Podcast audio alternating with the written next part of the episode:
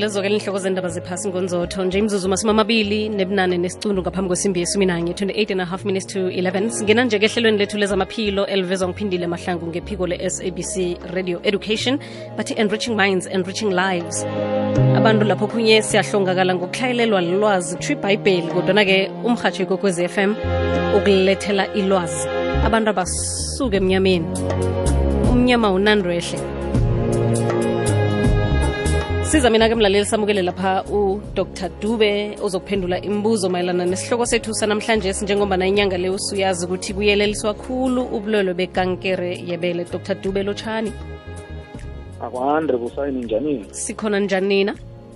ke sivukile silotshisa nabalaleli bonke bekwekwezi m iphasi lokho ezombelele kukhanya ba nangambala ngazi ukuthi kunelwazi elitshana mayelana ne-breast cancer um singalaziko sihlala sikhuluma asenzeni njalo godu mhlawumbe omunye bekangakatsheji omunye khona ayifumeneko nevalo omnye wazi umuntu osanda ukudiagniswa ngayo ivalo limphethe akhe sazi kabanzanyana ngayo i-breast cancer le ungasihlathululela yona dr dube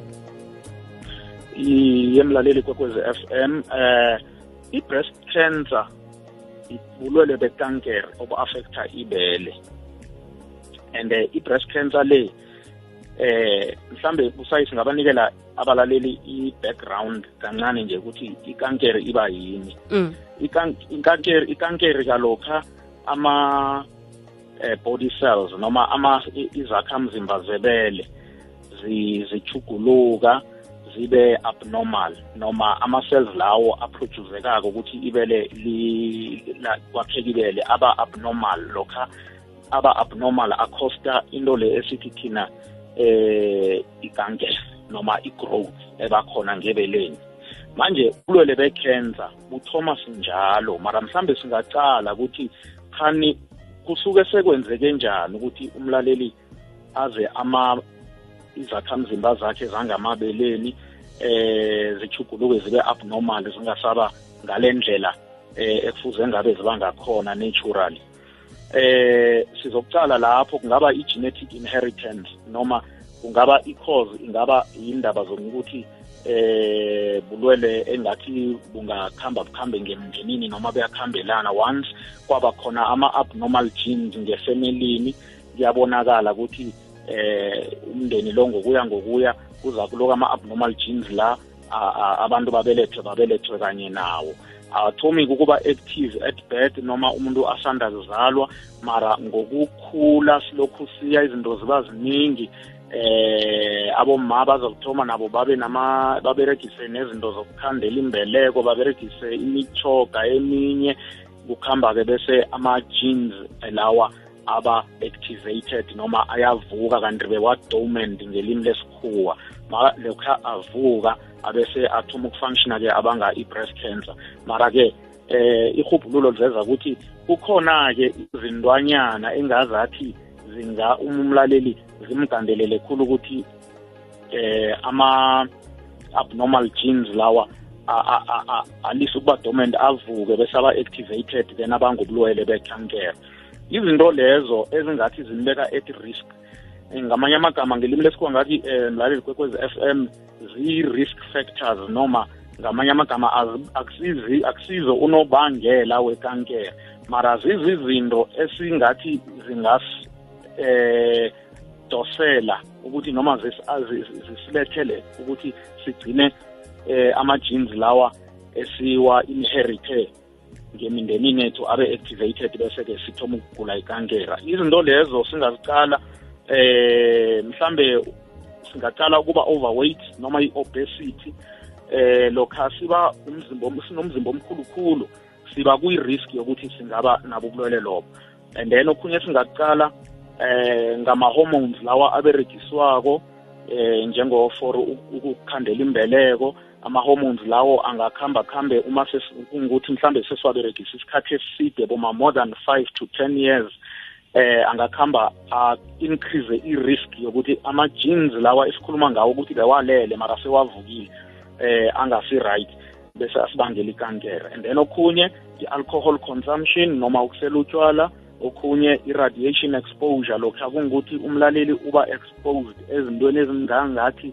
zinama-radiation yabona into lezo mos eh, abalaleli bazayibamba ukuthi sikhuluma ngani lapho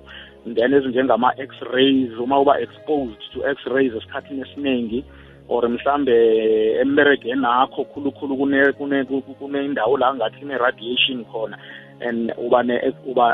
senkingeni yokuthi umuntu ohlalisa abeseduze kwalapho ama-jeans lawo angakuhamba kuhamba abe-activated bese ugula ubulwele bekankere kanenye into engaba yi-risk um yi-age lokha eh i-age nayo iya-increasa i-risk yokuthi isivusela ama-jeans eh kanti-ke ukuba ngumuntu wengubo eh ikankere i-more common ebantwini bengubo noma iwa-affect amadoda ebantwini bembaji bakhona mara istar sikusho ukuthi imvela kancane Hmm. kuhlathulula udr dube emlaleli ukhumbule ukuthi avane singacoci sodwa kuleli hlelo siyakwamukela nawe ngokuhamba kwesikhathi ukuthi nawunembuzo usidosele namkhana uthumele umbuzo nge-email uthi ngimi nawe at ikwekwezi fm co za ungakwenza lokho nge-twitter at ikwekwezi underscore fm ngithege uthi at busayi mathebula sihlole status ku-facebook nalapho ungaphosela umbuzo wakho eh, kudr dube mayelana ne-breast cancer umlaleli angakhona ukukhandela i-breast cancer dr dube kilokho kubalakokhu kukhu eh kutsho ukuthi kufanele sizibalekeleke ke into zemitshini ezezine-radiation sibalekele ingikhandelambeleko kutsho ukuthini lokhu um eh, njengoba nayo indlela yokuphila nje iye yeah. eh lokho sikhuluma ngama risk factors emlaleli eh, nawe busayi eh sikhuluma ngezinto ezingathi zingathelela ukuthi sibe affected mara kuza kufuna ukuthi i-exposure ye-radiation leyo ibe yinto yongukuthi calamos eh mhlambe ungathi nawuchecka ukuthi udr dube yena singayo wagcina nini ukwenza i-x-ray uzakuthola ukuthi awaminyakanyaka so ifuna masikhuluma nge-exposure to radiation sikhuluma ngento yokuthi yinto mhlambe eh month to month or week to week uhlangabezana nayo into leyo so iba ikwenza ukuthi ube more at risk manje ke eh i-breast cancer noma ubulwele bekankere abukhandeleki mm-hmm. into eyenzakalako si zokuyelelisa noma sesiyelelisa eh, ngekupheni kwehlelo ukuthi eh kuthiwa eh it's easy ukuthi ilapheke noma ithitheke lokha itholakale early noma i-stage at an early stage manje into ekhona kungukuthi eh yes of course singatsho ukuthi kubalaleli eh asidleni eh kuhle sidle ukudla kukhulu okunama-fruits okunama-vegi whole grain ama-beans mara into lezo azikhoni ukuthi mosizingazivikela ukuthi singakhona ukuthi eh sibe nayo mayize ukuba khona njengoba sikhulumele ukuthi into kuma-jeans mangabe sizokuba eh, sinawo lama-jeans ongukuthi sima-carrier manje kutho ukuthi ivese eh nakanjani sizokuhamba kuhambe ibe khona ikankere then into esingazenza ukutshintsha i-habit-ke eh uye kukubhema eh silimite i-alcohol eh sihlise ama-weight ethu ukuhlisa sihlise i-weight noma eh sibe physically active sitry ukuthi si exercise eh aboma eh lokho baba bazokuthola athola umntwana atry ukuthi abreastfeed so that ibele lakhe leli ibisi leli lebele eh likhona ukuthi eh lihlambuluke liphume lingahla lingebeleni lize likhose ukublocka kwama kwemithambo yebele langaphakathi emabeleni and then into enye ekhona mm, imithoga nazo sithizo sathi ima-risk so especially more la njengalezi zokukhandela imbeleko ama-oral contraceptives eh kufuze ukuthi lapho siyelelise nokuthi eh ihubhululo liyaveza ukuthi awa masele mhlambe ungaberegisa sowuberegise more than five years i-risk yona ikhona mara iba yincane khulu yile lengitsho ukuthi eh lezi zinto lezi noma ungathi uyazi-avoida akutsho ukuthi uzokuba risk free ngamanye amagama akutsho ukuthi wena will be clear ukuthi awuzukuba nayo ubulwele bekankere ngoba vele ikhamba kuma-jeans hmm. asiyokuthengisa bese sibuye sokuragela phambili ihlelo lezamaphilo ngitshiswe mamanzi abanye bathi mhlambe ngizithwele ngina 21 nje ngiba ungibuzele kudoktar ukuthi mhlambe kubangelwa yini lokho mlaleli odlole nge-email doctor ngiyamuzwa um eh, mlaleli ngaphendula umlaleli ngale ndlela ukuthi uthi una-twenty-one years ibele um eh, liyachisa libabe angamuzwa nakathi liyavuvukala um mm, akakagali uthi liba buhlungu ngaphasi sometimes ngaphezulu libe buzikazikani kodwa bese liyaluma mm. yes eh mhlambe into esingayithatha lapho ingathi ngaba i-give away ukuthi liyampeyinela and liyaluma liyachisa manje lokho kusitshela ukuthi ngoba kunama-differentials noma akhe sibeke ngesilimi lesikhethu kutsho ukuthi kunezinye izifo ezingasiyikankere yebele mara ezingavela engazathi ingaba ikankere manje umlaleli kubenzeke kuhle ukuthi abe ne-concern asibuze eh number one yalezo zifo lezo ezinjalo ingaba i-breast abscess noma ithumba elingaphakathi ngebelele more especially nangabe uva kuyaluma and liyachisa likhomba ukuthi linamasayini e-inflammation ekhomba ukuthi kune-infection eyenzakalako langaphakathi so ngingam-advyisa ukuthi akabonane nodoctor umdoctor amcheckele lona ukuthi um akuna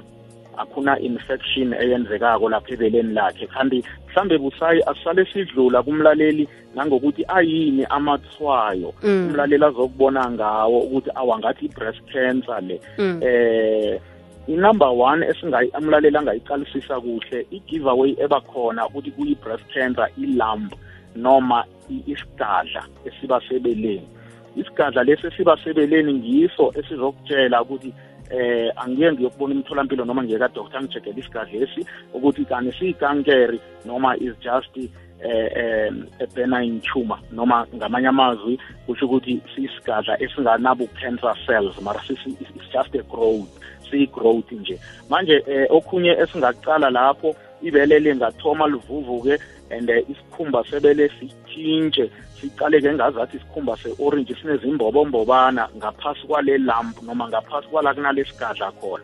and then amanye ama-signs noma amathwayo abakhona ukuthi i-nipple noma ipende leyebele eh, aboma bazangizwa kuhle iba retracted noma ibuyela phakathi iyashobela then nayihlobelile yabuyela phakathi ucala leli linye ucompare ukuthi awa mosna ngapha ikhona ngapha ichobele yachinga phakathi lokho kuyakutshela ukuthi awa kusho ukuthi eh into le engathi ihluphibele lami le ikankere and then omunye angaba eh ne-trial obvious njengokuthi abe ne-discharge la ngaphambili ku-nipple noma i-nipple engonweni mm. engonweni engonweni ya ekolweni ya la ngaphambili-ke lapho uzobona i-discharge noma kuphuma igazi nakabona kuvuza ingazi lapho noma kuphuma into engazathi eh ubovu noma i-discharge ephuma kulapho ya funa aphuthume aye ngemtholampilo abone udoctor then ikushekeke ukuthi ngabe ikankeri noma ngabe i-abscess ithumba noma ngabe eh isimila nje i-growth enganama-cancer cells lokhu esithi fibroadenoma mm eh Dr Dube yazi amabelethu la sibomu enziwe ngengigadlagadla eziningi kunamaqaqa msamanengi la ebeleni sihlukanisa njani ngoba vele na uthi uyabamba liga na kunamanye amancane maningi ngizolazi njani lelo ukuthi ngilo elinomraro linomraro yebo sayi eh ubabuzele umbuzo omhle khulu eh na ungathi uyali examina ibele kamne uzozwa ukuthi awa khona unendwanyana mani ezingathi zinengi ziyadlala zitshingalena fibrous tissue lizele nge-fibrous tissue ngamanye amagama lakheke sasponji mara isponji esasikho smooth ngaphasi nezigacagacane ezikhona manje vele kuliqiniso ukuthi ifuna umuntu ongazathi une-experience ukuthi angakhona ukubona ukuthi kuna-something ngoba vele nayo ikankere ithoma isigacane isigaca esincane wona uzokuthi singane khane eyi into iza kukhula ibe ikumangaza so into eyenzekako esim-advyisa ngayo mlaleli ukuthi okay ungazi-examina amabele akho ekuseni uze ukuthi akunasigadla esingathi ngoba kulezi zigatshana ozitshoko busayi eh sekankere sizokukhula mos um ngamanye amagama kutsho ukuthi amalanga aya ulokuchecka uzokuza ukuthi awa and angeke sibe khona mara singasibuhlungu so uzokuzwa nangepain ukuthi awa ibele lami libuhlungu man and mangibamba ayivuna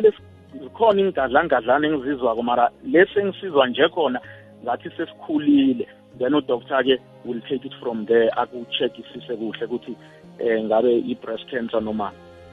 ukulapheka yini na eh okuqakatheke khulu mlaleli ngoba thina sibodoktera noma imibhedlela imitholampilo mpilo once sathola ukuthi une-growth noma isigadla esiba khona ngebeleni eh udoktor uzokuthatha and then eh into yokuthoma ngakwenza yona makuthi sisigadla esingathi oh, siyabonakala mhlambe siyazwakala ukuthi awa lesi vese akuna doubt is just a lump uzosithatha kudoktor kumikise eh bayokwenza i-fine needle aspiration noma isigadla leso basihlabe ngenalithi basise nge-laboratory bayosithesta ukuthi sinama-cancer cells noma njani na making ukuthi isigadla esinganikhulu akuzwakali mara wena uyatsho ukuthi awale phakathi kuyapeyina doctor mara nakasibamba naye kucheck ibele uthi ayi mina ngathi angizwa nethi uzokusa kumamogram imamogram yakhona-ke ukuthi ingasithola sisese-early stage mm. isigadla esiyikankere manje ngizo-ke izinto ezizokuhlukanisa lapho manje into ekukhulu-ke siyayistaja-ke um eh, mlaleli kwekwezi f m ngamanye amagama amangithi siyayistaja kusho ukuthi siyihlukanisa ngengigabagaba ukuthi awa la iseseku-stage zero noma iku-stage one um iku-stage two uyabona sikhamba ngengigabagaba ma umlaleli angibuza ukuthi iyalapheka na doctor se izigabagaba lezo ngizo-ke ezizokutshela udoktor obereka ngawe ukuthi eh iyalapheka and ilapheka sinjani ngoba mangabe iku-stage eh, zero and stage one and two iyakhoneka i-growth leyo noma isigadla sokuthi udoktor ngayo-exercise noma ayekusethiyetha akusike akukhiphe sona and then aqalisise nala ngaphasi kwamakhwapha akho ukuthi beyingakasaba lalukuya lapho na kuma-glans and then nangesifubeni la aqalisise ngama-x-rays ukuqalisisa-ke ukuthi bo-stage three or four la makungukuthi seyisabalele yakhamba yaphumela esifubeni yakwezinye indawo ishinga kwezinye indawo njengasesiswini kumaliva then-ke lapho sekutsho ukuthi seyisabalele igcwele umzimba wonke i-metastasis seyiladele ukuthi ungayenzeka i-treatment engathi ingaphumelela sekusho lapho sesifuna i-god intervention busayi uyazi ngikhuluma ngayo manje-ke sizothi lapho busayi iyalapheka depending eh nawe mlaleli kwekwezi f m izokulapheka depending ekuthenini itholakala ikusiphi isigaba hmm. okutsho ukuthi kufanele sihlale sizidlulisa funa sihlale sizihlolisisa umlaleli akhone ukuthi ekuseni nakavukile awabamba amabele akhe ezwe ukuthi akunasigadla esingathi si-unusual noma sijayeleki ukuthi hayi mani lesingathi sikhulu kunezinye engizizwako mm. ngiba kuyokuthengisa godu bese siyabuya imibuzo minengi eh kodwana-ke udr dube uza kwenza isiqiniseko sokuthi ukhavara yoke into kufanele ukuthi akwazise yona ilangela namhlanje semoyeni kokwezi yeshe akwande sikhona ninjani nina khona kusayiba ukuthi udr dube manye usesamule inkinga olezinakavukayo usena uphatha kuhlanza uyahlanza so bekacaukuthi zimkhwihli mara njese sengiyo into le itoma ukuba serious akaye eklinika mama akaye ekliniki noma kwadoktor ngibaba ukuthi singene esihlokweni sanamhlanje simayelana ne-breast cancer ya ukubuyisa akusiyinto ehle akaye ekliniki namkhana ye kwadoktor ikwekwezi usemoyeni lotshani usemoyeni ikwekwezi lotsha right dr dube nginombuzo lapha utlolwe um kufacebook umlaleli uthi yena um nginesigadlanyana eduze nenongo yangakuleft kodwana-ke ngaphasana kwayo and sengiye amahlandla amaningi esibhedlela kodwana litho-ke eh ukuthola ukuthi ngakhani yini into le kutsho unonhlanhla nkosi userit spraid eh uhaba nje unonhlanhla eh esibhedlela angazi noma ba-understandene kuhle ukuthi umraro wakhe yini mara bengingatsho ukuthi makhibe mhlambe bebabonile ukuthi i-fibroadenoma noma kusiyikankere bebazayithatha isigadla leso basifake ngelaboratory ukuthi bayosicheckisisa ukuthi sinama-cancer cells noma makungukuthi asinawo ama-cancer cells then they basisusa vele basikhiphe isigadla leso sifuna nje ukususwa kuphela manje asimambe lapho unonhlanhla abuyele ngesibhedlela abahlathululele kuhle okay Eh kunethonyeka labo baba bezomkhangiso othi iyabaphatha nabo baba basho vele liqiniso na kuliqiniso bobaba iyabaphatha mara ngithe isikari sikhulu ngaba less than 1 percent okay of population ya yeah. yena ke uyithola njani ngoba yena kanabele ubaba unebele okay eh. akababa likhona nedi njengoba umqalisisa umuntu ongubaba unayo inibble noma ingono njengoba besikhuluma Mm. but elakhe ibele ubaba likadesignwa njengesigama ukuthi akhona ukuthi ayokubreastfeeder umntwana so lakababa kunezinto ezinganalo mara mm. ibele ubaba unalo so into eyenzekako lapho iyamphatha and amathwayo ayafanana angizowabuyelele yonke into nje nokuthi izokuba njani eh, amathwayo eh nangokuthi izokuthoma njani into i-common kakhulu iyafana kakhulu lapho mara umuntu ongubaba usikari sikhulu ukuthi abe ne-breast cancer okay uma ongibelethako una-67 years sathoma ukurealize ukuthi une-lump engaba yi-3 cm ukusuka beleni yakhula ingongoma for almost 9 months until ngamkatelela ukuthi aye kudoctor uthi-ke eh, fast forward ngigidle naye unyaka lo woke steve biko hospital bekufika lapha udoctor wasuggesta ukuthi ahlinzwe after ukuhlinzwa she was never given any treatment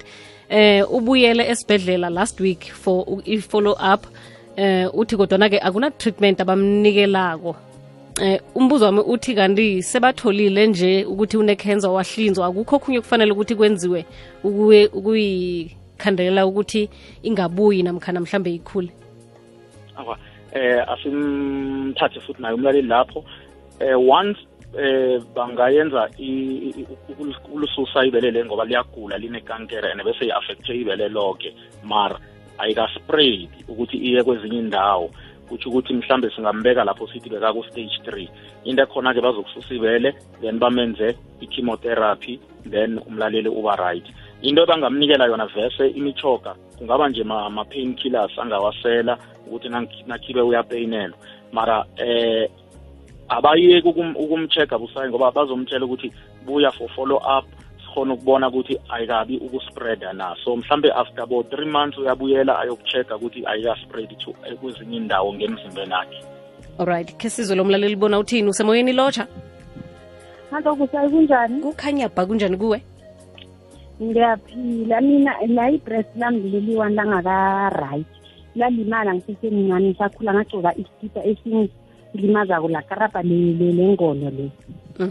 le ngono le mhm. manje inokusithela vele ihlala ingaphakathi right so uyathonyeka ah, ngayo mhlawumbe ya and mangicala ngiyivula so le ngono mm. mhlawumbe ngihlalile amalanganyana uma mangicala ngiyivula so iphuma e, ekhunye sengathi ngesilelinyana kuyanukanasibuhlungu alinani mm. okay mama dr dube um mm, angamva kuhle ngizakhuluma ngengona ngazothi